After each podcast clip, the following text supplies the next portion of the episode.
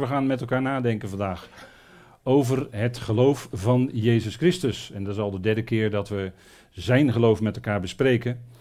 En uh, daar zou nog veel meer samenkomsten mee te vullen zijn met dit grote onderwerp. Maar we beperken ons uh, tot een aantal keren. En dit is inmiddels de achtste keer in de serie Het geloof van.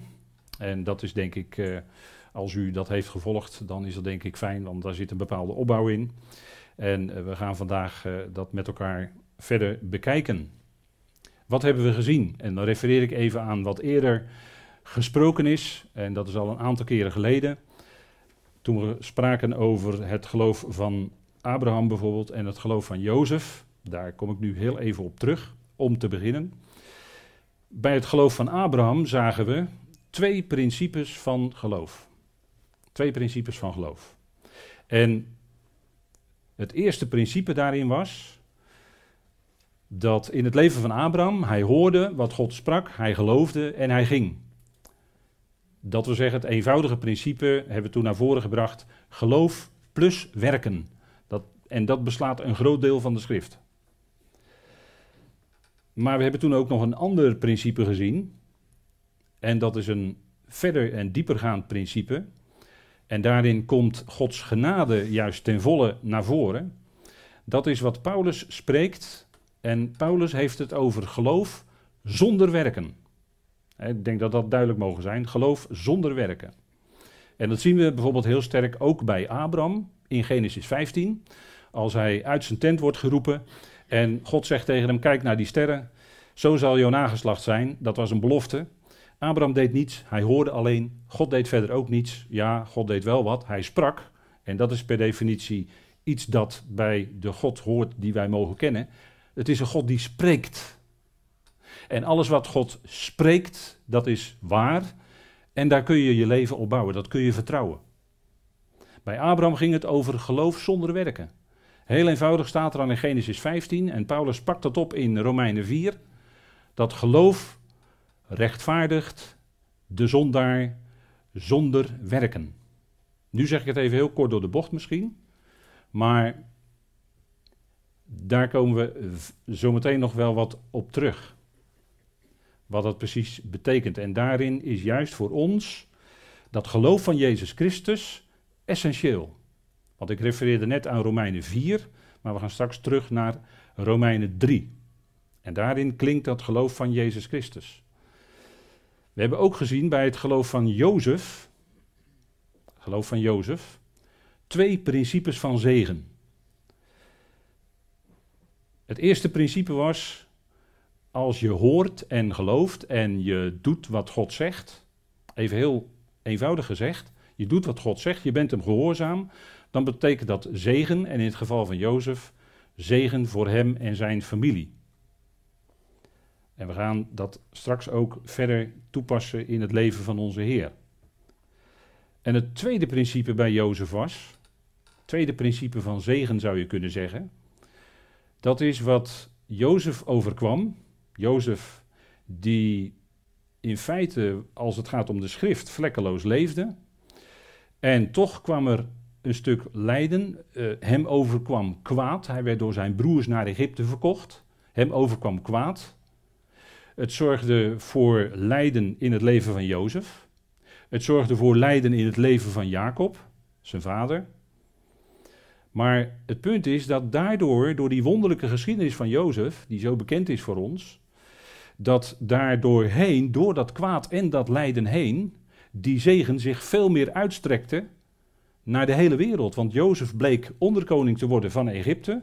Hij kon de dromen van de farao verklaren.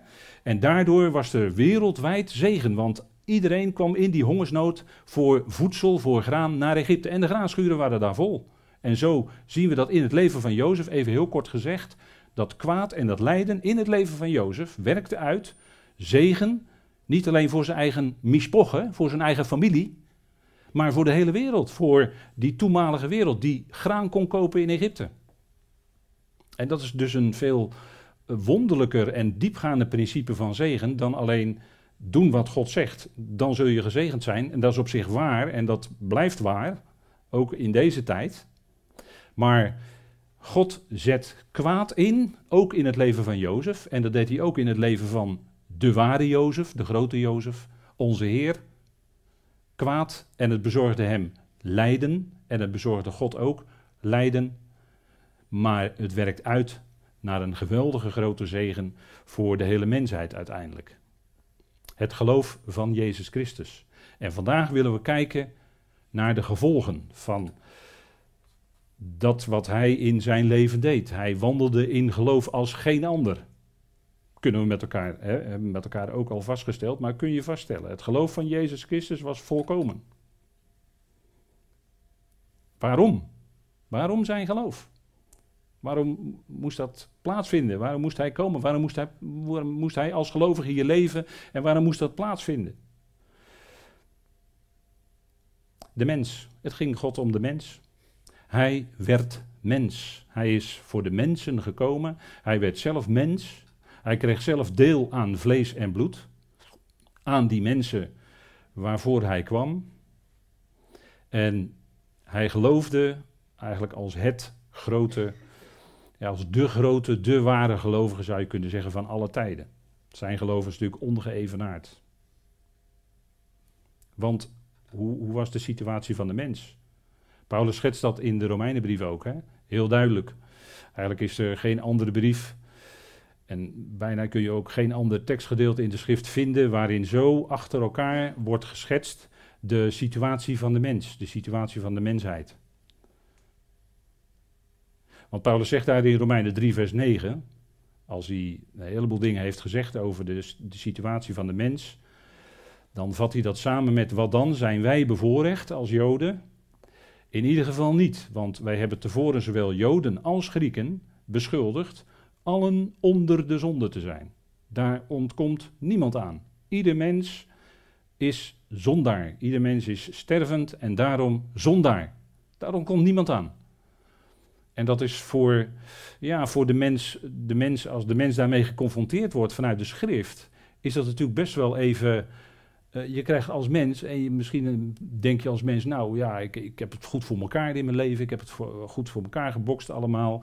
En dan lees je Romeinen 3 en dan krijg je toch even een flinke douw hoor. Dan krijg je toch even flinke douw als mens.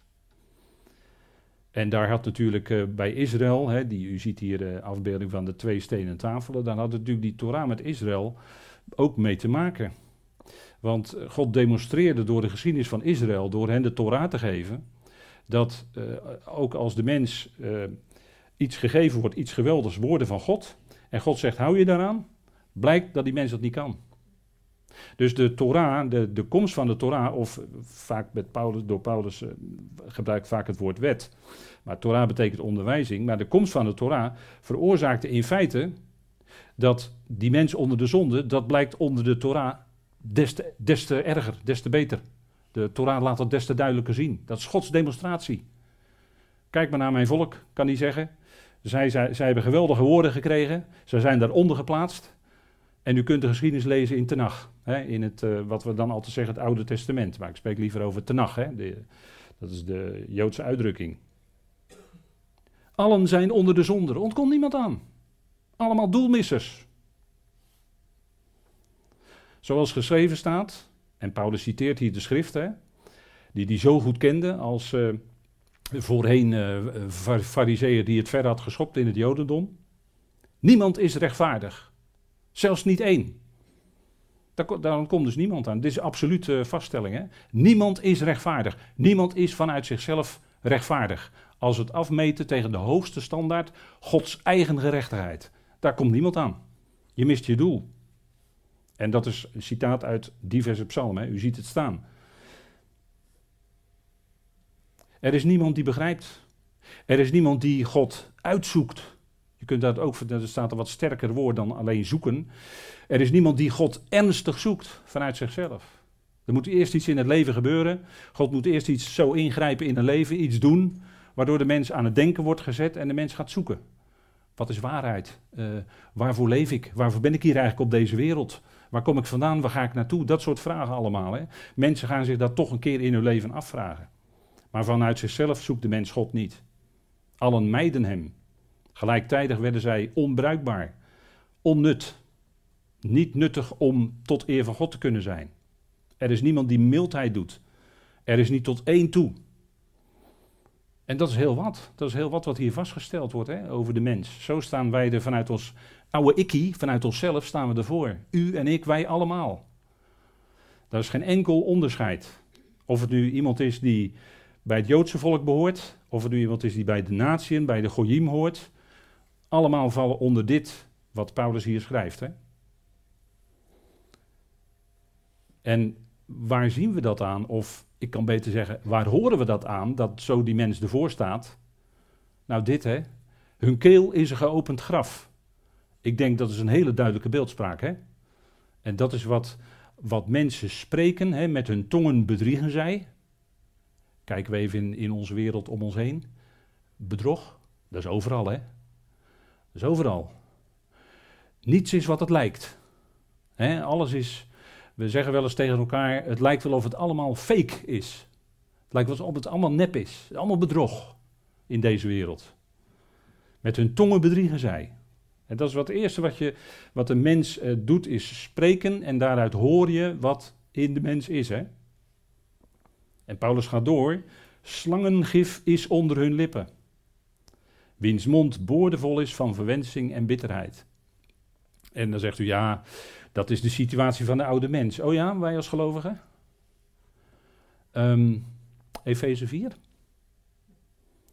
Gebruikt Paulus ook het woord bitterheid? Efeze 4. Dat is een brief die is aan ons gericht als gemeente lichaam van Christus. Als leden van het lichaam van Christus.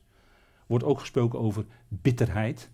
Dus onder gelovigen kan ook nog wel eens wat bitterheid zijn. En dat blijkt ook wat dan tegen elkaar gezegd wordt. Helaas, helaas zeggen we dan tegen elkaar. Maar voor je het weet, heb je zelf ook, trap je zelf ook in die val. Hè? Iets zint je niet bij die andere gelovigen, of iets zint je niet daarin of daarin. En voor je het weet, komt er iets venijnigs uit je mond. Hè? Ook als gelovige. Kan, hè? En dan heb je het zo nodig dat God je hart van binnen mild doet zijn. Dat is de werking van zijn geest. Dat je hart van binnen mild is. Want vanuit het overvloed vanuit waar het hart vol van is. Hè? Kennen we toch dat gezegd? Nou, dat zei de Heer Jezus toch? Waar het hart vol van is, daar, is, daar loopt de mond van over. Wil je weten waar de mens in zijn leven mee bezig is? Moet je, moet je goed luisteren naar personen. Dan weet je precies waar de, waar de mens vol van is. Vol van verwensing en bitterheid.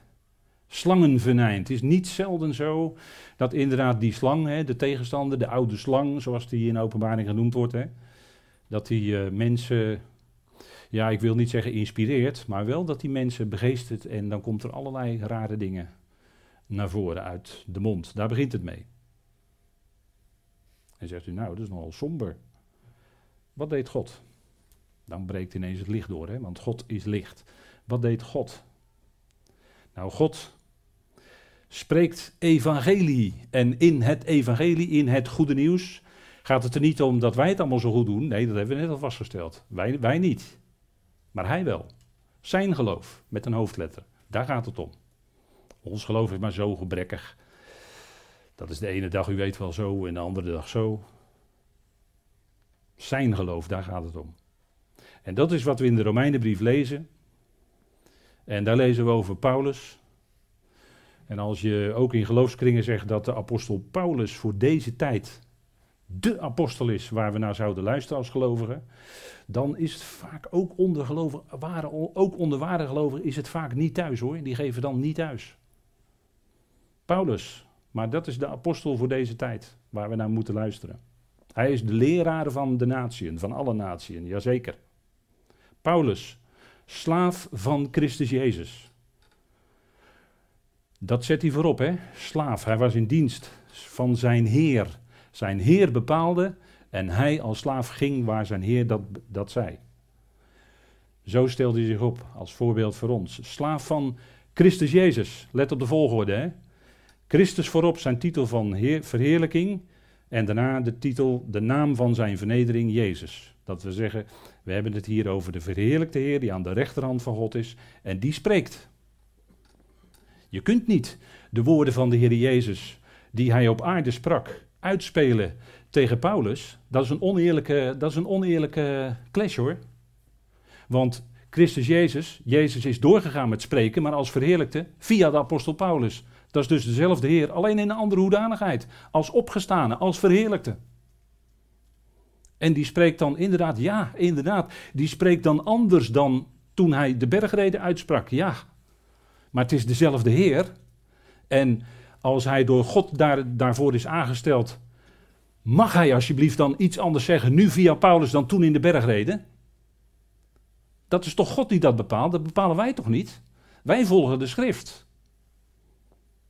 Paulus, slaaf van Christus Jezus, geroepen apostel, voor deze tijd de apostel van alle natieën. En dat is in contrast met de twaalf van de besnijdenis. Zeker, zeker. Leest u de gelaten brief er maar op na. Gelaten 1 is Paulus luid en duidelijk. Hij had dat evangelie niet ontvangen van een mens, dus niet van Petrus, ook niet van mensen, dus ook niet van de twaalf. Nee, hij had het ontvangen rechtstreeks van de verheerlijkte Heer. Dat is de waarheid die voor vandaag geldt. Daar kun je niet omheen. Daar kun je niet mee marchanderen, daar kan je niet mee sjoemelen, daar kan je niet mee als, als koopwaar verhandelen. Wat helaas wel gebeurt, maar zo kun je niet met de schrift omgaan. Als was het koopwaar waarmee jij winst kan maken. Je zult moeten volgen wat de schrift zelf zegt als gelovige. Hij was geroepen apostel. Een gezondere. Het woord betekent apostello, hè, afgevaardigde. Afgezonderd. Hebben we het weer. Afgezonderd tot het evangelie van God. Afgezonderd van die twaalf. U ziet dat hier in Romeinen 1, vers 1 al heel veel staat. Hè? In die eerste aanhef van de Romeinen bestaat al heel veel. Hè? Hij werd afgezonden, dat we zeggen, dat is niet zomaar iets. Dat gebeurde in Antiochieën. En in Handelingen 13 kunt u dat lezen, wordt hetzelfde woord gebruikt. En, en dat woord heeft te maken met, met horizon, hè, de einder. Dus vanaf een bepaalde, er wordt, hè, de einder, wordt er, dat is een bepaalde streep, dat is de horizon. Is een bepaalde afsluiting van iets. En hij werd afgezonderd van die twaalf. En hij ging in het evangelie van God. Het goede nieuws van wie? Van God. We kunnen alleen maar goed nieuws van God verwachten natuurlijk. Aangaande de zoon van hem, die naar het vlees geboren is uit het zaad van David. En dat is duidelijk dat Paulus zegt, kijk, hij is als mens gekomen. Hij werd naar het vlees geboren uit het zaad van David. Dat was de lijn van afstamming. Heel duidelijk. En dat is de zoon van God. Een van zijn hoogste titels. De zoon van God. Wat door, toen hij op aarde was, werd dat door het Sanhedrin natuurlijk zwaar betwijfeld. En dat leidde ook uiteindelijk tot zijn dood hè? aan het kruis. Maar hij was uit het zaad van David naar het vlees geboren, uit het zaad van David, van de geliefde die een geweldig type was ook, net als Jozef, net als Abraham, van onze Heer zelf. Hè? David, zijn naam betekent geliefd. En hier spreekt Paulus over de geliefde met een hoofdletter, de Heer Jezus Christus. Die straks zal zijn koning van de koningen en heer van de heren. Dat is nog toekomstmuziek, maar het staat geschreven, het is beloofd, staat in openbaring, luid en duidelijk. En het zal ook zo zijn. Hè? Hij zal zijn koning van de koningen en heer van de heren. En zijn regering zal zijn vanuit Jeruzalem, jawel, vanuit Jeruzalem. En die bepaald is, en ik ga er even wat snel doorheen, wat, ik zet wat grote stappen. Die bepaald is, zoon van God in kracht. En dat bepaald, dat is een, uh, meestal staat hier in de vertalingen bewezen. Maar dat bepalen, dat heeft te maken met God die dat bepaald heeft, dat hij de zoon van God is. Dat heeft ook te maken met ons woord wat wij kennen als horizon. Het Griekse woord, dat, dat klinkt bijna zo als ons woord horizon. Die bepaald is, zoon van God in kracht. Dus de geweldige kracht van God bleek toen hij opgewekt werd uit de dood. Daar zijn we vandaag ook mee begonnen met zingen. Daar kunnen we vol vreugde over zingen. Hij is de levende Heer. Hij is opgewekt op de derde dag. En hij heeft dat ook getoond, zijn zoonschap. Want die zin is altijd wat lastig hier, hè? uit opstanding van doden. Hij wekte het dochtertje van Jairus op uit de dood. Hij wekte de jongeling van Nain op. Hij wekte Lazarus op uit de dood. Zo bleek zijn geweldige kracht bij tijd en wijle die hij had, kracht om leven te geven. En ook zelf werd hij opgewekt uit de doden. Dus dat zoon van God en dat kracht, dat hoort bij elkaar. Dat heeft alles te maken met die opstanding uit de doden. Hè? De geweldige kracht van God. En hij is Jezus Christus, de Heer van ons. Hij is onze Heer. Vandaar dat Paulus begon met: Ik ben slaaf. Hij is Heer. En dan zijn wij als gelovigen zijn wij in feite slaven en zeggen we: Heer, als u mij wil gebruiken, als u mij wil gebruiken op een of andere manier, doe het Heer, want hier zijn we. Hij is de Heer van ons, Jezus Christus, onze Heer. Geweldige beleidenis, die uiteindelijk iedereen zal doen. Dat is het geweldige. Hè? Dat zal de vrucht zijn van zijn geloof. Dat zal de vrucht zijn van zijn werk. Dat uiteindelijk iedereen zal erkennen dat Jezus Heer is. Al die knieën die gaan een keer buigen. En al die tongen die gaan dat een keer ook van harte, dat staat er van harte, van binnenuit beleiden. Jezus Christus is Heer, geweldig hoor. En dan zegt Paulus, en dan springen we naar vers 16, want ik ben niet beschaamd in het evangelie, want het is kracht van God tot redding. Wat is het evangelie? Nou, dat is kracht van God tot redding. En dat is verleden, heden, toekomst. In het verleden zijn we ons bewust geworden op het moment dat wij, zoals we dat dan zeggen in ons jargon, tot geloof kwamen. Toen bleek die kracht van God tot redding, door ons om te keren vanuit duisternis en we kwamen in het licht. Maar ook nu, vandaag, is dat evangelie voor ons een kracht van God tot redding. Niet een kracht, kracht van God, ik moet dat lidwoord weglaten. Kracht van God tot redding. Want dat in ons leven is het ook dat die geest van God, die kracht van God, dat geloof bewaart ons. Dus ook in ons dagelijks leven worden bewaard en ervaren we die kracht van God. We worden gered. Allereerst van een verkeerd denken en van daaruit worden we ook gered van wat we, wat we misschien voorheen spraken en konden misschien heel scherp van tong zijn en heel snedig en gevat andere mensen te kijk zetten en voor gek zetten en noem alles maar op wat je met je tong kan doen, hè? Al, al dat akelige. Maar dat is ook wat God dan verandert in je. God verandert mensen. God verandert ons van binnenuit. Dat is die kracht van God tot redding. En in de toekomst hebben we natuurlijk ook die geweldige redding voor ogen. De Heer Jezus Christus zal komen als redder. En hij zal ons dan verlossen precies op tijd voordat de verontwaardiging van God losbarst over deze aarde. Precies op tijd worden wij gered, want wij zijn niet gesteld tot verontwaardiging. Dus ook redding in de toekomst is verzekerd. Geweldig hè, die kracht van God tot redding. En het is voor allen die geloven. En hier klinkt, en dan moet ik zeggen nog, maar dan moet u luisteren naar de studies Efezebrief. Eerst de Jood en ook de Griek. Die volgende, dat, dat ging, later ging dat weg, dus het is allemaal gelijk. Maar hier is het nog eerst de Jood en ook de Griek. Natuurlijk.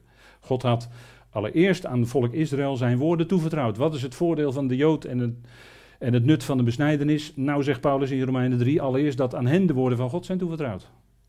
Dat is het grootste. Dat is het grootste bezit, het rijkste bezit wat wij hebben. Gods woord. Eerst de Jood, die had het licht van Gods woorden, van Gods onderwijzing het eerst ontvangen. En ook de Griek. En wat is daar in dat evangelie? In dat evangelie gaat het niet in de eerste plaats om ons. Wij worden daar ook wel in meegenomen hoor. Maar in de eerste plaats gaat het om Gods gerechtigheid. In het evangelie wat Paulus schrijft in de Romeinenbrief gaat het allereerst om de gerechtigheid van God. Niet zozeer om de gerechtigheid van de mens, dat komt ook wel. Maar het gaat allereerst om de gerechtigheid van God. En dat, die wordt in het evangelie onthuld. En daar is Paulus met name in Romeinen 3 mee bezig. En dat is uit geloof. En hier komen we bij het geloof van Jezus Christus. Dat is uit geloof, zijn geloof dus, met een hoofdletter, tot, en u ziet daar staan NB, dat betekent letterlijk naar binnen. Naar binnen geloof bij ons. Dus ons geloof, zou je kunnen zeggen, dat ontspringt aan het zijne. Maar hij is de bron. Zijn geloof staat centraal. Zoals geschreven staat, de rechtvaardige nu zal uit geloof leven. En even scherp lezen hier, het gaat hier om de rechtvaardige. Hè? Het gaat hier niet om de zondaar. Dat is een citaat uit Habakkuk 2, vers 4. Het gaat hier niet om de zondaar, het gaat hier om de rechtvaardige. Het gaat, al, gaat hier om iemand die al rechtvaardig verklaard is. En natuurlijk, als we het hebben over de rechtvaardige, dan zou je eigenlijk met een hoofdletter moeten zetten. Allereerst onze Heer zelf. Hè? De rechtvaardige bij uitstek is onze Heer zelf. Voor die gold het. Hij leefde dat uit. Maar ook wij, wij die gerechtvaardigd zijn, wij die, ik kan beter zeggen, rechtvaardig verklaard zijn door God, die kunnen nu uit geloof leven.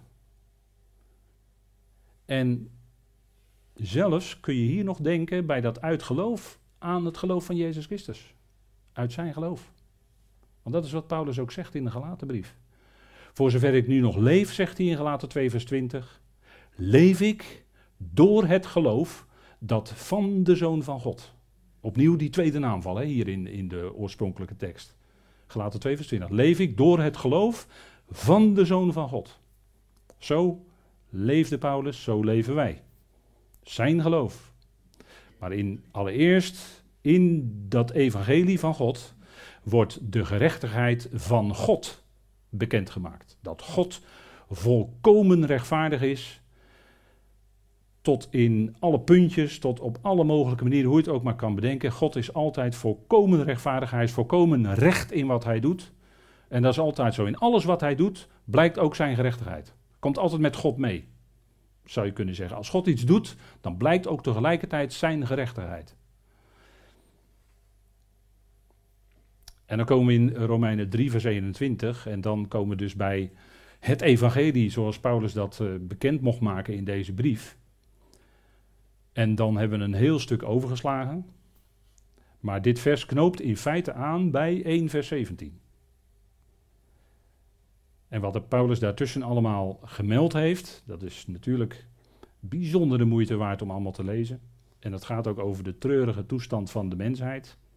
En dat niemand daaraan ontkomt. Niet de gestudeerde in Torah, niet de filosoof in Athene, Niemand ontkomt eraan wat, wat Paulus daar in die, in die tussenliggende versen van zegt. Hè? En dan zegt hij, thans is echter. En dat woord echter, dat markeert een verandering. Er is licht doorgebroken. Hij die kwam en geloofde als geen ander, kon van zichzelf zeggen, de Heer Jezus Christus kon van zichzelf zeggen, ik ben het licht van de wereld. Dat was hij ook. Hij bracht Gods licht. En hij liet ook die gerechtigheid van God zien.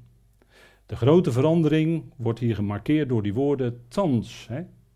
Is echter. En daar komt iets geweldigs naar voren. Los van wet, gerechtigheid van God openbaar, waarvan getuigd wordt door de wet en de profeten. En we gaan niet zo snel door dit vers, want hier worden maar liefst vier dingen gezegd. Dit hele vers draait natuurlijk om de gerechtigheid van God, daar gaat het om. Maar dat is los van wet. Los van wet. De wet kon geen.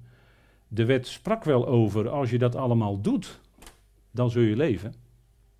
Maar het bleek dat de mens niet in staat was om. Ja, u kunt u zeggen, ja, er was maar één die in staat was om het te doen. Maar zelfs dat, zelfs dat de Heer Jezus zich volkomen hield aan de Torah, Zelfs dat was niet voldoende om die verlossing van die mensheid teweeg te brengen. Om die verlossing van die mensheid tot stand te brengen. Hij deed, hij had een zonderloos leven. Hij hield zich helemaal aan Torah. Maar dat was niet voldoende. Het was dus helemaal, wat dat betreft, ook van die kant bekeken, is het ook los van wet.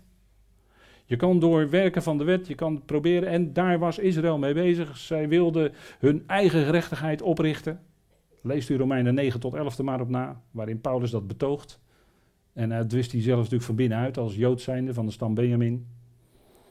Maar de Israël kwam niet toe aan die gerechtigheid van God. Ze poogden wel, ze probeerden het wel. En dat was ook vaak buitenkant werk enzovoort. Ze probeerden het wel om die gerechtigheid. Maar ze schoten tekort. Bleek aan alle kanten. Dus deze gerechtigheid van God is los van wet. Dat heeft niet te maken met, je komt er, als je nou volledig je hele leven aan de wet houdt, kom je er? Nee, ook dat is niet voldoende.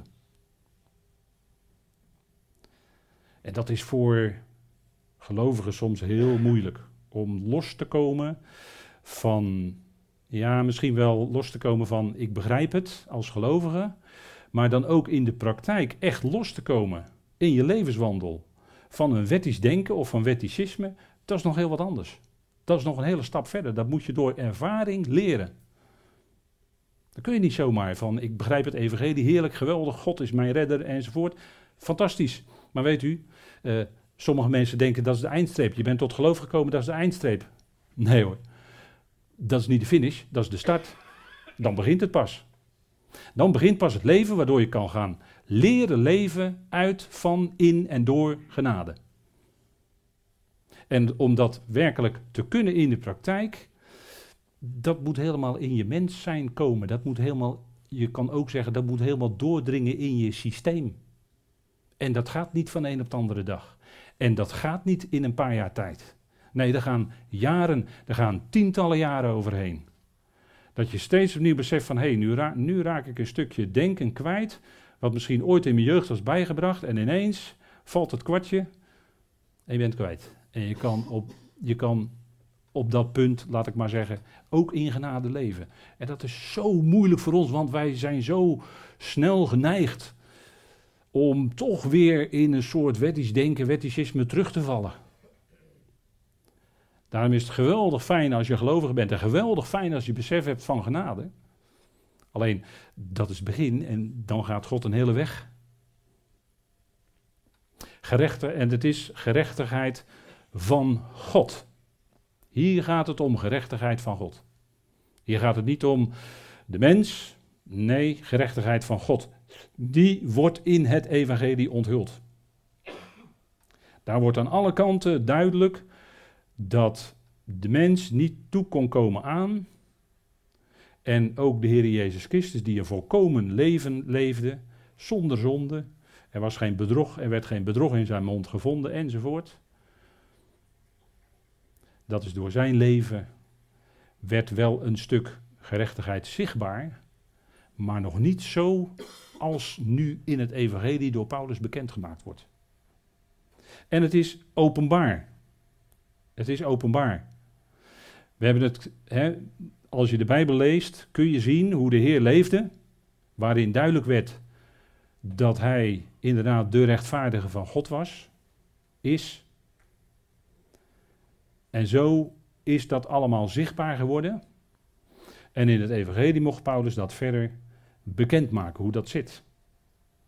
En het vierde punt is, waarvan getuigd wordt door de wet en de profeten. De wet en de profeten, daar, is, daar wordt de standaard zo hoog gelegd, dat spreekt allemaal van die gerechtigheid van God. In Torah zijn de maatstaven zo hoog en de Heer Jezus deed er als het ware, zou je kunnen zeggen, tijdens zijn aardse levenswandel nog een schepje bovenop. Door te zeggen, jullie, volk, jullie volk van Israël, hij zei dat tegen zijn eigen volksgenoten, jullie, wees, wees volkomen, wees volkomen zoals je hemelse vader volkomen is. Dus dat, ging, dat was in feite nog een, een perfectionisme, predikte die, waar, ja, waar, waar, dat beseften de luisteraars wel, daar konden ze niet aan toekomen. Hij zei ook in de bergreden, jullie hebben gehoord dat er gezegd is. En, er en dan haalt hij iets aan uit Torah en dan zegt hij, maar ik zeg jullie. En dan keert hij het naar de binnenkant. Ook als je van binnen maar iets zou bedenken, een gedachte zou hebben dat, dan is het al in feite mis. Dus dat ging nog een, een, grote stap verder dan wat Torah had bekendgemaakt. De Heer Jezus scherpte dat nog eens even heel erg aan in de bergreden. En als je de bergreden leest, dan als mens, en sommigen willen zich graag spiegelen aan, ja, wij willen graag leven naar de bergreden. Ga het maar proberen. Gaat hem niet worden, kan ik gelijk al zeggen. Dus ga die poging maar niet doen, want het gaat je niet lukken. Ook dan zul je leren dat je moet leven van genade en uit genade. Dat, dat is het. En er wordt wel getuigd door de wet en de profeten zo volkomen. En er werd ook profetisch natuurlijk voorzegd dat hij zou komen in typen, in profetieën. Uh, wil je weten wat de Heer Jezus gedacht heeft tijdens zijn aardse leven? Lees de psalmen, zou ik zeggen. En ik, ik geef maar een paar dwarsstraten hoor. Psalm 40, lees het maar. Hoe hij van binnen dacht en bad. Psalm 119. Nou, daar kunnen we nog wel even vooruit. Maar dat is hoe hij leefde. Die begint met, hoe lief heb ik uw Torah? Die, dat was de Heer die dat van zichzelf kon zeggen en, en bad tijdens zijn leven. Hij die de Torah kende als geen ander, had leren kennen in zijn, in zijn jonge jaren. Er wordt van die volkomen gerechtigheid van God getuigd door de wet en de profeten. En daarvan was al het nodige te zien in hoe hij op aarde rondwandelde. Maar dat was niet het eind. Hij wandelde in geloof. Maar als we kijken naar het einde van zijn leven. Hij zou juist moeten blijven leven. Want de wet zei: Doe dit en je zult leven. Hij deed het. Dus hij had op, op grond van Torah alle rechten om te kunnen blijven leven. Maar het gebeurde niet. Op betrekkelijk jonge leeftijd, maar ook daar is discussie over. Maar goed, dat vind ik allemaal niet zo belangrijk. Kwam hij om of werd hij omgebracht? Als er iemand is die dat niet verdiende, was hij het wel. Maar daarvoor was hij wel mens geworden. Dat hij de mogelijkheid had om te kunnen sterven. Hij kreeg deel aan vlees en bloed, zodat hij ook daadwerkelijk door de dood heen kon gaan. Daarvoor was dat ook. En zo kon hij die mensheid meenemen. Die mensheid die eerst in God was, oorspronkelijk, aan het begin, aan het allereerste begin, voordat Gods plan in werking trad, was die hele mensheid in God. De volgende stap is dat God het al schiep in de Zoon. Colossense 1, vers 15, 16. Het al is in hem, wordt gezegd van de Zoon van zijn liefde. Het al is in hem en door hem en tot hem geschapen, zegt Paulus daar. Dat is een enorme onthulling over wat God heeft gedaan. Die heeft het alles in zijn Zoon gelegd, gegeven. Dus ook die mensheid. Er is wel zo over nagedacht. Dus die mensheid, Adam, die was ook eerst in God en later in Christus. En die kwam later dan inderdaad op het wereldtoneel, Adam. En toen begon het allemaal. Maar die was eerst ook in hem geschapen. En je kunt ook zeggen, Paulus die doet dat heel vaak in, de, in diverse brieven, Romeinen, Korinthe. Dan zet hij Adam tegenover Christus. In Adam was in feite die hele mensheid al aanwezig. En zo kun je zien hoe in Christus in feite al die oorspronkelijk die hele schepping aanwezig was. Met Adam begrijpen we dat, ja, wij, wij waren allemaal in principe in Adam vervat en zo spreekt Paulus er ook over. Om ons later als hele mensheid ook weer over te zetten in Christus. Want uiteindelijk zullen in Christus allen levend gemaakt worden. Dat is niet nu allen die geloven, nee, dat is werkelijk allen zonder uitzondering. Iedereen, iedereen zal levend gemaakt worden uiteindelijk. De eersteling is er al, van de oost, Christus. En uiteindelijk zal iedereen, de hele mensheid, levend gemaakt zijn. Dat is allemaal in hem. En dat had God natuurlijk allemaal al voorzien, allemaal al vooruit bedacht. Al dat hele grote plan met al die details. En ook in uw leven, het plan met uw leven. En al die details van uw leven had God ook allemaal al voorzien. Als ik het zo zeg, dan krijgt u, krijgen we een beetje idee over de grootheid van God. Hè? Want er leven nu iets van 8, 9 miljard mensen op deze aarde.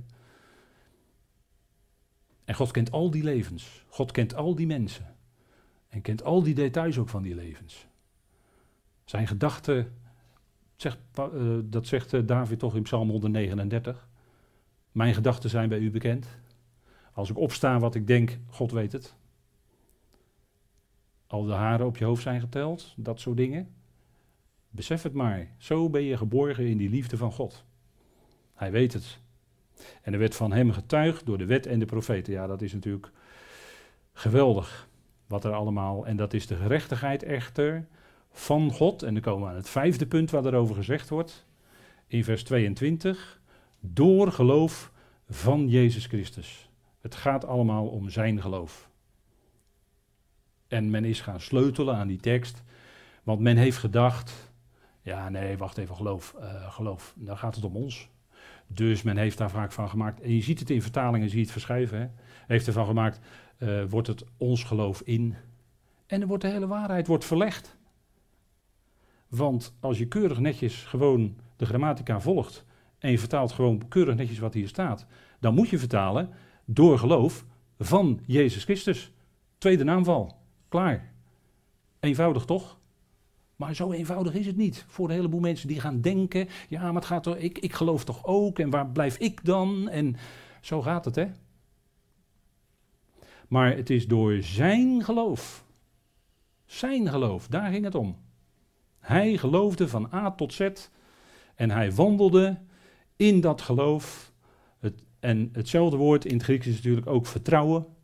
Geloof, vertrouwen, dat is in feite hetzelfde. Hij vertrouwde vader volkomen voor iedere stap die hij zette. En hij volgde wat vader wilde. Ook iedere stap wat hij van de vader hoorde. Kijk maar wat, wat daar staat. Hè? En daar komt dat principe van wat we in het leven van Abraham zien, geloof plus werken, komt hier naar voren. Hè? Tot hen zei Jezus, mijn voedsel is, dus dat was zijn dagelijkse eten en drinken als het ware, dat ik de wil zou doen van hem die mij gezonden heeft en ik zijn werk zal volbrengen. Die twee dingen, hè?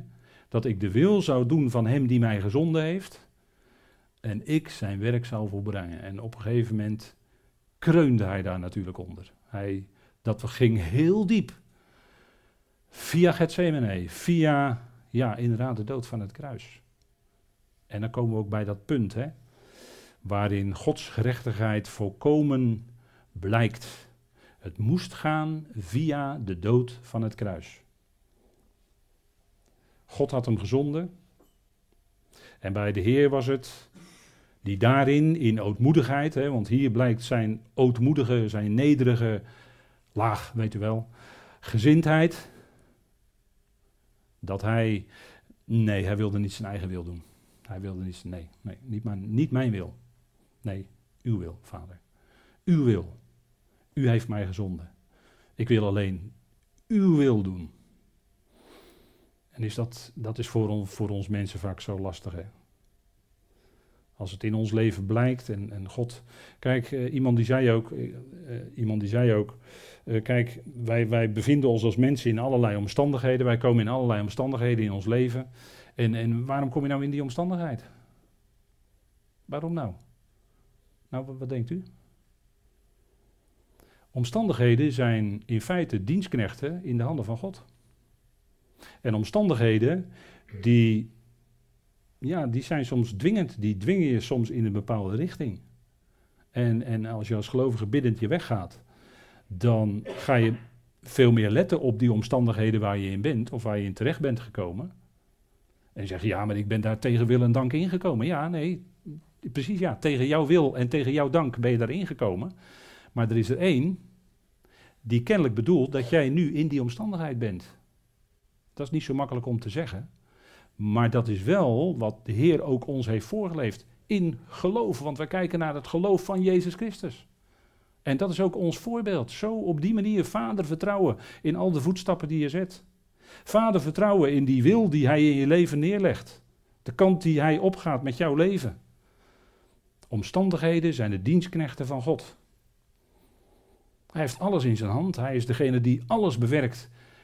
En als we Paulus daarop nalezen, die zegt het heel scherp in Efeze 1. God is het die alles bewerkt in overeenstemming, dus in harmonie met de raad, met het raadsbesluit van zijn wil. Kijk, als mens kun je natuurlijk heel moedig zeggen, zoals de farao, ik laat het volk niet gaan. Oh nee? God, je gaat tegen de geopenbaarde wil van God in, farao. Ja, nou ja, ik ben de farao, dit en dat. En hij had helemaal niet door dat zijn hart verhard werd door God. En hij meende, de, en vandaag de dag ook, hè, mensen die, uh, hoe staat het in Psalm 2, natieën bedenken ijdelheid, of de natieën uh, verenigen zich tegen, uh, tegen wie? Tegen God en tegen zijn gezalfde. Dat is de vuist van de revolutie, dat is de vuist van de rebellie. Dat is in feite de vuist tegen God. En de mens kan tijdelijk, God laat het tijdelijk gaan, omdat het dan in overeenstemming, hij laat het zo ver gaan, zover het overeenstemt met zijn verborgen raadsbesluit, met zijn verborgen bedoeling. Weet u wel, boulema. Zover. En dan zeggen, ja, de natie dit en dat. Zeker. Maar ook nou uw leven, uw leven. Uw eigen leven, uw persoonlijke leven. Gods wil. Mijn voedsel is dat ik de wil zou doen van hem die mij gezonden heeft. En ik zijn werk zou volbrengen. Dat is het punt, hè? Paulus bidt ook en bemoedigt de broeders in 1 Korinthe 15, in dat laatste vers, vers 58. En dan gaat het niet om dat de broeders hun eigen werk of hun eigen ideeën moeten volgen, maar het werk van de Heer. De broeders zouden zich afvragen: wat is het werk van de Heer voor deze tijd? En daarin zal God bekrachtigen. En dat doet hij ook. En dan geeft hij ook zijn opstandingskracht. En het werk van de Heer is vandaag niet marchanderen met de schrift en het als goedkope koopwaar van de hand doen. Want daar is het veel te kostbaar voor. En toch geven we het gratis weg hoor. Daar is de boekentafel dus. We geven het gratis weg. We kunnen allemaal gratis meenemen. Zijn werk. We zouden betrokken zijn in het werk van de Heer. En het werk van de Heer voor deze tijd. Dat is dat de gemeente het lichaam van Christus zou zijn. En het is inmiddels een groot huis geworden. Ja, 2 Timotheus, ja, ja, ja. Maar de gemeente, het lichaam van Christus, zou zijn een fundament of een pilaar en vastheid of een zuil van de waarheid.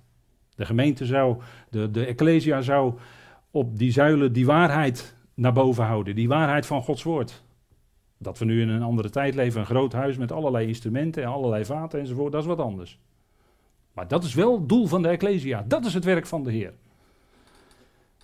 Daar zou alles op gericht zijn.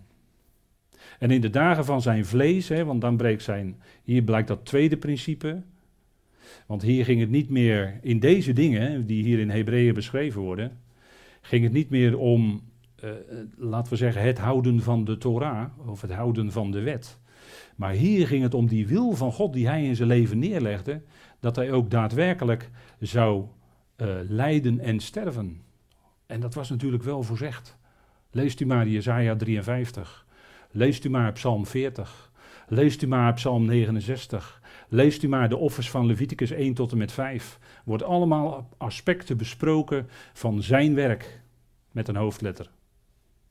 Natuurlijk, dat werd vervuld. Maar dit, hier ging het om het diepe vertrouwen. Hij moest door die moeilijkste weg heen gaan. De dood van het kruis. Hij wist het. Hij moest onder die vloek van de Torah komen. Vervloekt is een gehangene aan het hout, zei de Torah. Daar moest hij doorheen gaan en dat was het moeilijkste. Die in de dagen van zijn vlees zowel smeekbeden als smekingen gebracht heeft tot degene die hem kon redden uit de dood. Want toen kwam die situatie. Hij moest door die dood heen gaan. En daarin moest hij volledig op vader vertrouwen. Want als hij eenmaal gestorven was, wist hij, hij kon zichzelf niet opwekken uit de dood. Dat is, dat is, niet, uh, dat is niet opstanding. Nee, vader wekte hem op. Hij werd opgewekt door vaders kracht, zingen we dan. Hè? Hij werd niet opgewekt door eigen. Dat kon niet, hij was dood. Krachteloos, volkomen dood, net als ieder ander. Wist ook van niks in die tijd dat hij dood was. Dat is buiten bewustzijn, hè? Mens is buiten bewustzijn als hij dood is. Dan weet je van niks. En dat is een enorme zegen van God hoor. In al die tussentijd weet je van niks. En de gelovige die overlijdt, die weet op het moment van overlijden, die weet, ja, de volgende seconde hoor ik de bazuin. Ja, dat is natuurlijk geweldig. Zo, zo doet God dat. Maar hij was degene die hem kon redden uit de dood, dat was vader. En hij vertrouwde vader volledig door die dood heen, om het zo maar te zeggen. En dat ging met sterk geroep en tranen. En hij werd verhoord vanuit zijn toewijding. Zijn weg van lijden was niet makkelijk. Hij stond onder zware druk. En, en toen kwam het aan op zijn ziel. En toen was het heel even in Gethsemane, was het heel even. Vader, indien deze drinkbeker uw bedoeling is dat hij voorbij gaat. Maar daarna kwam die weer, toch, nee vader, niet mijn wil, maar uw wil. En zo moest hij door dat diepe lijden heen gaan.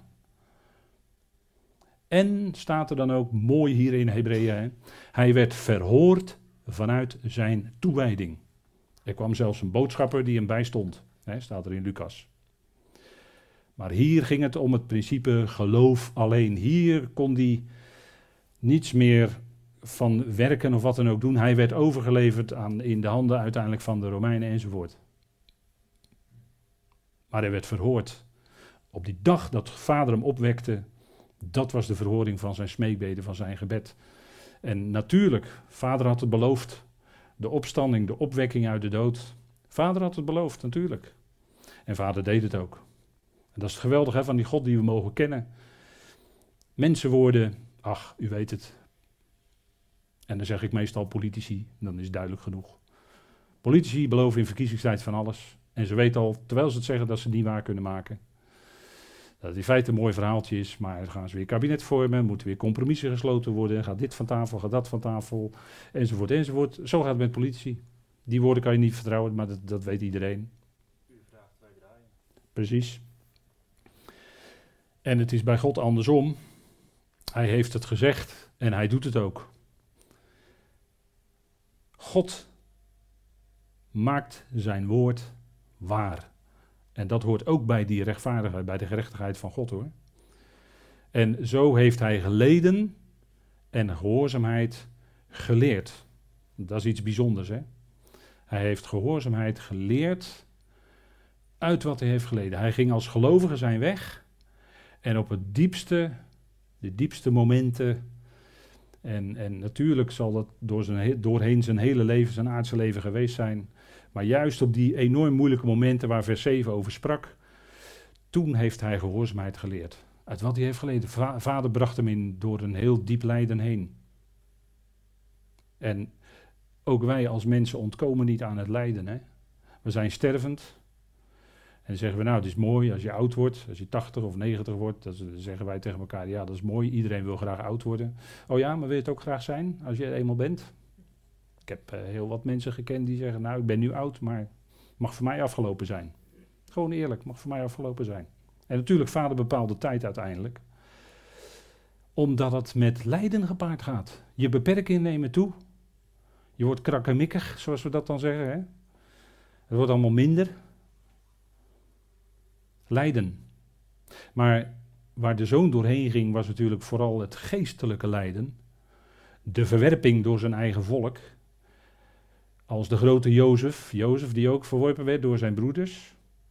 En als de Heer was blijven leven, zou je kunnen zeggen, dan had hij zegen voor hem, misschien voor, ja, zou, zou je het misschien kunnen zeggen, voor zichzelf en voor het, voor het volk Israël gehad. Maar God bedoelde meer. Want als we nou afvragen, dat, uh, wat levert het op? wat levert het geloof van Jezus Christus op? Ik weet of, of, u, of u een handelaar bent, maar een handelaar zou dat zeggen. Wat levert het op? Wat levert nou het geloof van Jezus Christus op? Nou, als we kijken bij Jozef, hebben we gezien twee principes van zegen. Als de Heer vlekkeloos had geleefd te midden van zijn volk, dan had hij naar de Torah mogen blijven leven. En dan had hij zegen gebracht voor zijn hele volk. Dan was het alleen zegen geweest voor zijn volk en voor hemzelf, zou je kunnen zeggen. Net als bij Jozef. Hè? Maar wat deed zijn eigen familie? Zijn eigen familie deed dit. Die schopte hem weg. En dat betekende een leidersweg, net als, net als bij Jozef. Zijn eigen broers verkochten hem als slaaf naar Egypte. Het volk Israël, onder leiding van het Sanhedrin vooral, verkocht hem in feite als slaaf 30 zilverlingen, weet je wel, Judas, 30 zilverlingen was het geloof ik. Gooi die later weer terug in de, in de. Maar verkocht. En in de gedaante als een mens bevonden, leefde hij vlekkeloos volgens Torah, zonder zonde, en had, hij zo kunnen, had zo kunnen blijven. Zegen voor het volk en voor hemzelf. Maar dit is niet het hele verhaal, natuurlijk. Het verhaal gaat door. Gehoorzaam wordend staat er tot aan de dood. Ja, de dood van het kruis. En die twee dingen, die moeten we toch hier goed bij elkaar houden. Waarom? Nou, omdat het hier staat natuurlijk. Het is niet alleen de dood, want hij had ook zelfs nog door de dood heen kunnen gaan en kunnen opstaan. Maar het moest zijn de dood van het kruis. Die dingen zouden we goed realiseren. Hè? Het moest door die diepe leidersweg van het kruis heen gaan. En daarom speelt kruisigen, die woorden, en kruis in de brieven van Paulus zo'n grote rol. Het woord van het kruis. Gelijk in een van zijn eerste brieven, de eerste Korinthebrief, eerste hoofdstuk, het woord van het kruis, direct, onmiddellijk. Het kruis, de dood van het kruis, daar moest hij doorheen gaan. Dus het was niet een gewone dood, want ja, mensen die uh, zeggen soms wel eens, ja, Jezus dat was een, uh, was een geweldig mens. En uh, in de marxistische theologie zeiden ze in de jaren 60, 70, zeiden ze, ja, het was een mooie revolutionair. Hè, dat, en die heeft geweldig geleefd, goede dingen voor zijn volk gedaan. Maar over zijn dood, daar werd, werd maar, ja, hij is, hij is als martelaar gestorven, zeggen ze dan. Maar dat moest natuurlijk allemaal een beetje onder, ondergesneeuwd blijven. Vooral hij als mens, als, als uh, degene die de bestaande orde omverwierp, als de revolutionair. Zo moest hij natuurlijk binnen die marxistische theologie gepresenteerd worden. Het vindt trouwens een contradictio in terminis hoor. Een tegen, innerlijke tegenstelling, marxistische theologie. Dat, dat, kan, dat krijg ik niet op elkaar, dat, krijg ik niet met, met elkaar verenigd. Dat kan ik niet met elkaar rijmen, absoluut niet. Want, maar goed, we gaan niet over filosofische stromingen spreken. De dood van het kruis. Dat is het punt. En het punt is, kijk, ook voor ons als gelovigen, als je de brief van Paulus op naslaat, is het kruis iets wat, ja, dat, dat haakt. Dat kruis is, dat is niet makkelijk. Waarom moest nou via de dood van het kruis? Omdat hij onder de vloek van de Torah moest komen. Dat moest. Gehangen aan het hout, zegt de Heer in Deuteronomium 21, is een vloek. En hij hing aan het hout. En zo kwam hij onder de vloek van de Torah en kwam, die, uh, kwam, kwam dat uh, geweldige lijden over hem, dat hij ook tot zonde werd gemaakt. Dat moest via het kruis. Dat kon niet zonder. En het punt is dat een van de dingen die Paulus dan, dan in zijn brieven bekend maakt, ook in de Romeinenbrief, is dat wij als gelovigen gaan beseffen door het evangelie ook samen met hem te zijn mede gekruisigd. En dat raakt ons. Want dat maakt een radicaal einde aan ons als oude mens. Je oude ikkie, dat gaat er helemaal aan aan het kruis. Samen met hem. Dat is wat Paulus zegt. En hij had het al even eerder over gelaten twee. Maar daar zegt Paulus toch, daar schrijft Paulus toch. Het is niet langer ik, dat is dat oude ikkie, aan het kruis ermee. Maar Christus leeft in mij. Kijk, dan wordt het heel anders. Dan wordt het heel anders.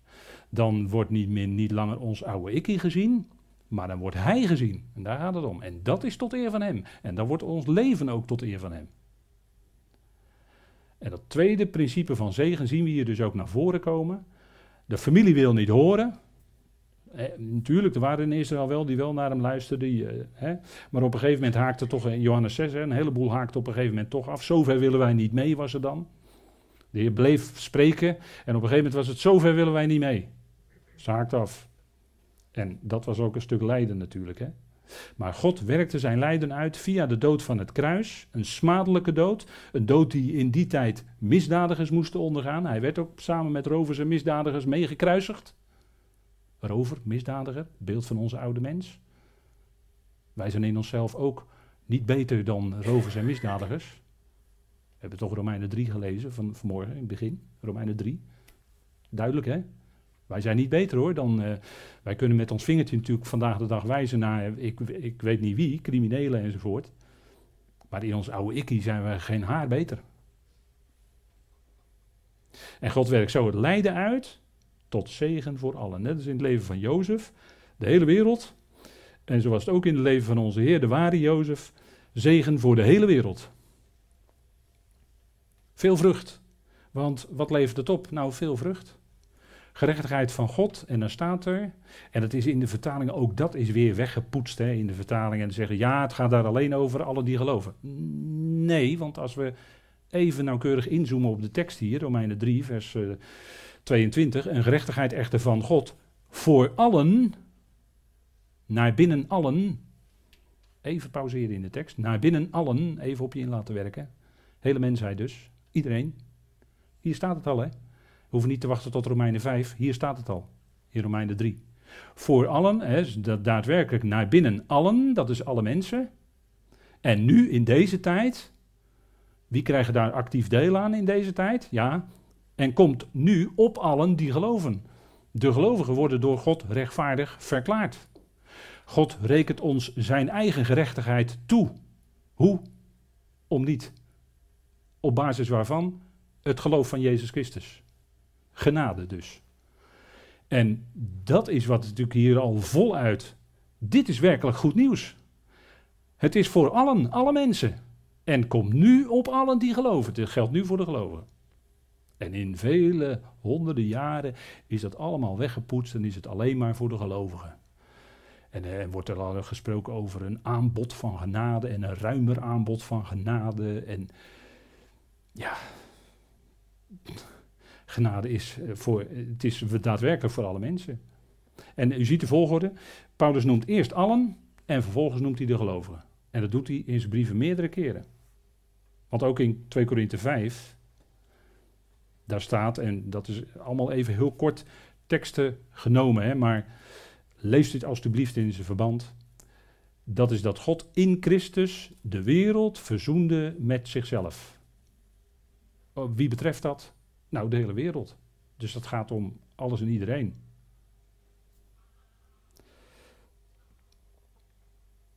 En wie krijgen daar deel aan? Nu de gelovigen.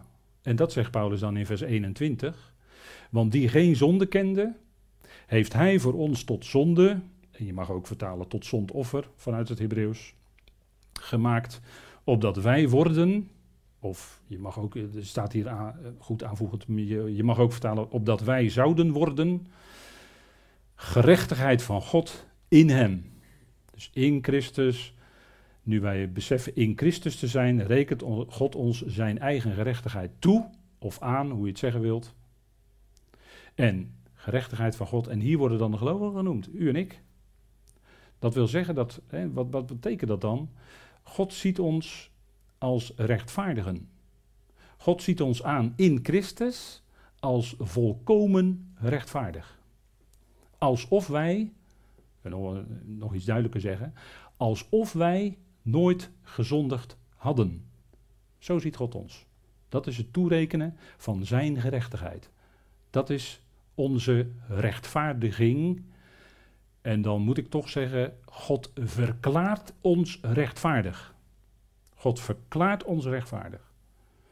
Wij kunnen niet zeggen van de verdiensten van Christus. Hè? Even, een ander punt. Hè? Wij kunnen niet zeggen de verdiensten van Christus worden aan ons toegerekend. Want dan zou je kunnen zeggen, ik heb, ik heb verdiensten.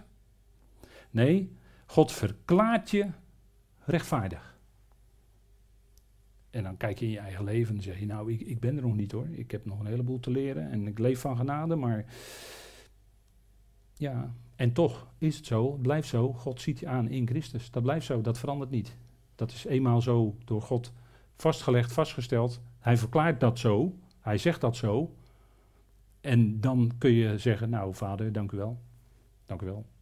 En als je die dingen beseft, ja, dan ga je eigenlijk vol dankbaarheid door het leven, denk ik. Hè? Als je dit mag beseffen. 1 Timotheus 4, vers 10, dat is ook zo'n prachtige tekst hè, die dat zegt. Omdat wij onze verwachting gesteld hebben op God de levende, die redder is van alle mensen. En hier kun je een punt zetten, maar goed, het gaat nog even door. Maar die redder is van alle mensen, dat is een, dat is een mededeling. Hier valt niks aan te veranderen. Dit is gewoon een mededeling. Klaar, zo is het. Kun je geloven of niet?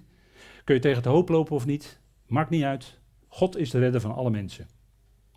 Dat staat hier. En allermeest, ja, allermeest van de gelovigen, die ervaren dat nu, die redding. Maar dan moet je niet gaan, uh, dat is niet eerlijk, hè? Dan moet je niet het een tegen de ander gaan uitspelen en zeggen, ja, kijk, kijk, allermeeste gelovigen dus. Nee, nee, nee, nee. Nee, je moet uitgaan van het geweldige statement van Paulus. God is de redder van alle mensen. Dat is een mededeling, klaar. En wij hebben daar deel aan. Vader, dank u wel. En wij leven daaruit. En zo kijken we ook naar die ander. Die ander die nu misschien, in, zeggen wij, ongehoorzaam, weerspannig, uh, doet alles verkeerd, enzovoort, enzovoort. Hier te kort, daar te lang. En toch kijk je dan naar de knieën en je weet, vader, dank u wel, maar ook die knieën gaan een keer buigen. Ook van de Satan, de tegenwerker van, de tegenwerker van God. Die knieën gaan ook een keer buigen. Die tong, die lispelende tong, weet u wel, een begin, plaatje, slang. Die lispelende tong die nu nog zo rondgaat en de, de hele wereldgebeuren tot op zekere hoogte in zijn macht heeft. Diens knieën gaan ook een keer buigen en diens tong gaat ook een keer beleiden dat Jezus Heer is. Toen hij, toen hij in de verleiding werd gebracht, zei de Heer Subiet, ik ga niet voor jou knielen. Nee, de Heer wist het zal straks andersom zijn. Die tegenwerker gaat voor mij knielen. Zo zal het zijn. En dat is natuurlijk ook zo. En dat is geweldig. En zo kun je kijken naar andere mensen. En dan ga je anders kijken. En als laatste, als afsluiter voor vandaag. Want de genade van God is verschenen, reddend aan alle mensen. Dat is ook weer zo'n statement. Hier kun je niks tegen inbrengen. Ja, kun je wel proberen, maar blijf gewoon staan hoor. En, in, natuurlijk mensen in hun denken, hè, in hun hele knappe koppen, die in hun denken gaan ermee marchanderen, die gaan ermee sjoemelen met zo'n uitspraak. Nee, staat, staat hier gewoon. Mensen kunnen me wat zeggen, maar dit is wat God zegt en daar vertrouw ik op. Dat is klip en klaar, denk ik. En dat is eerst allen, hè, doet Paulus weer hier, allen.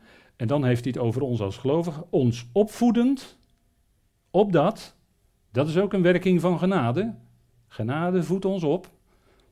Daarom, als je tot geloof bent gekomen, sta je aan de startstreep van de genade. En dan gaat God met jouw leven een heel werk doen waarin hij jou opvoedt in zijn genade. En opvoeden, dat is in het Grieks eigenlijk slaan. Mag ik tegenwoordig bijna niet meer zeggen. Maar dat is wel het Griekse woord, slaan. Ons opvoedend opdat de onheerbiedigheid, opdat wij, hè, opdat de oneerbiedigheid en de wereldse begeerten logenend, wij verstandig en rechtvaardig en godvruchtig leven in de huidige eeuw. En dat is heel wat. En als je die redding mag ervaren, is dat geweldig fijn. Het bewaart je, God redt je dan van het meegaan met de wereld. Want als je niet zou geloven, dan zou je net zo afdrijven als de wereld. Dan zou je net zo denken als de wereld. Dan zou je meegaan in, in, het, in de tijdgeest. deze eon, de huidige eon, dan denk ik er altijd bij, het is de boze eon nog steeds. Hè? Dat is de boze eon. En uh, sla maar even eh, één krant op en u ziet, en u leest één pagina en u ziet onmiddellijk dat het de boze eon is. Nog steeds. Maar dat wij verstandig, rechtvaardig en godvruchtig leven in de huidige eon, dat is de bedoeling van Gods genade. En zo voedt hij ons op. Dat we niet meegaan in dat wat de wereld aan oneerbiedigheid en begeerte en noem alles maar op wat je wat uh, scholieren, hè, dat, dat, is natuurlijk al heel lang zo, maar op hun uh, mobieltje kunnen ze alles uh, maar vinden wat ze willen. Maar verstandig, ga daar verstandig mee om. Wij, verstandig, rechtvaardig, godvruchtig leven in de huidige Jon, willen tot eer van God zijn. Amen.